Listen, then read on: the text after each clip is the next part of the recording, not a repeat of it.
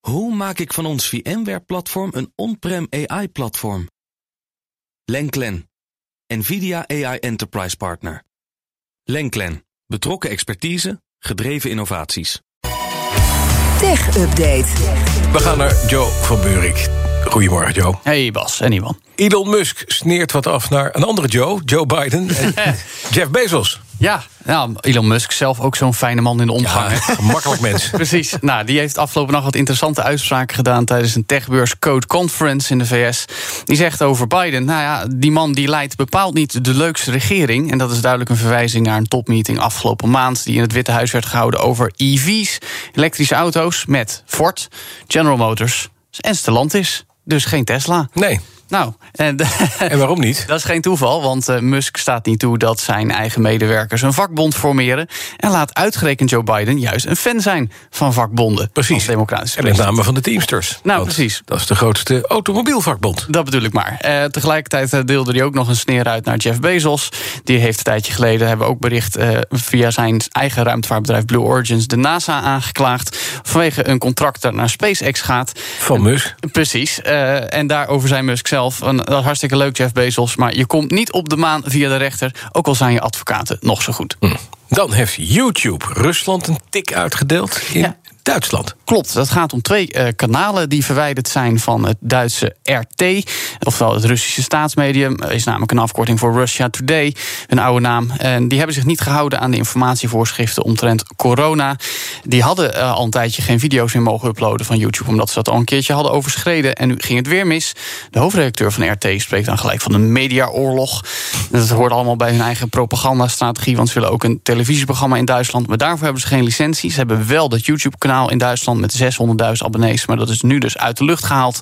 Het is natuurlijk allemaal de lange arm van het Kremlin. En ook als je zelf nu op YouTube een video eh, op het internationale RT-kanaal ziet, krijg je van YouTube gelijk al een melding dat Rusland de rekeningen betaalt. Hm, Kijk aan. Voor je Chinese smartphones kun je binnenkort ook terecht bij een automerk. Ja, Ja, dat een is- heel groot automerk namelijk. Nou, best wel een grote inderdaad. Ja. Geely heeft eh, gisteren bekendgemaakt dat ze die markt ook gaan betreden. Hebben daarvoor een nieuw eh, merk opgezet. Hubei Xinji Shidai Technology.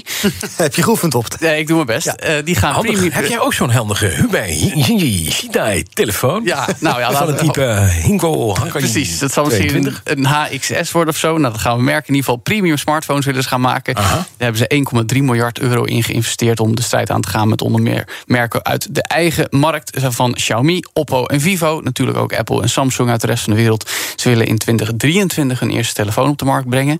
Ze wachten dan gelijk al 3 miljoen te verkopen. Maar gezien hoe Chinese eh, smartphones tegenwoordig op de Europese markt worden verwelkomd... Weggegooid. namelijk. denk ik niet dat het eh, heel veel zoden aan de dijk gaat zetten, in ieder geval bij ons. nee, maar Geely, hè, bekend van Volvo onder Zeker. meer, van Polestar. Het is een- het is een groot merk. Dat wel. En dan, bij aankoop van een non-fungible token, oftewel een kulding... krijg je nu een gratis auto. Dan krijg je tenminste nog wel iets cadeau bij je. Nou, krijg je kulding. waar voor je geld, zou je Ja, zeggen. eigenlijk. Dat is een eh, boeiende actie van Nissan en Canada. Eh, een NFT dus inderdaad van een kunstwerk... gemaakt door kunstenaar Alex Melgliot. Dat staat voor een slordige omgerekend 188.000 euro te koop. Nou, dat is best wel veel geld. Ik heb jullie allebei een plaatje gestuurd. Ik zal hem straks ook even Ja. delen op de Twitter. Het is ja een beetje een soort neonkleurige bubbels... rondom een Nissan GTR Nismo Special Edition. Een van de snelste auto's ter wereld, dat dan weer wel. En meneer McLeod zegt erbij... ja, ik heb me laten inspireren door die auto... want hij vervoert ons niet alleen fysiek... maar ook emotioneel en psychologisch. Hmm. En denk je, ja, eh, bijna 200.000 euro voor een, een digitaal plaatje. Ja. Goed nieuws voor je. Je krijgt de echte Nissan GTR Nismo Special Edition er gratis bij. Nou, dat is dan wel weer leuk. Ja, zeker omdat hij in Nederland 300.000 euro kost. Dus voor Met belastingen. 188 heb je echt een gouden deal. Ja, vet hè? Een NFT Nou, ren naar de winkel, naar de Met- Nissan dealer in Canada. met auto. Ja, nou ja, Gratis. voor die auto wil ik het best doen eigenlijk. Laat, die- laat het laat plaatje die maar zitten NFT dan. erin. Pla- plaatje hoeft niet. Vind ik ook. Dankjewel, Joe van Buurik. De BNR Tech Update wordt mede mogelijk gemaakt door Lenklen. Lenklen. Betrokken expertise, gedreven resultaten. Hoe vergroot ik onze compute power zonder extra compute power? Lenklen. Hitachi Virtual Storage Partner. Lenklen. Betrokken expertise, gedreven innovaties.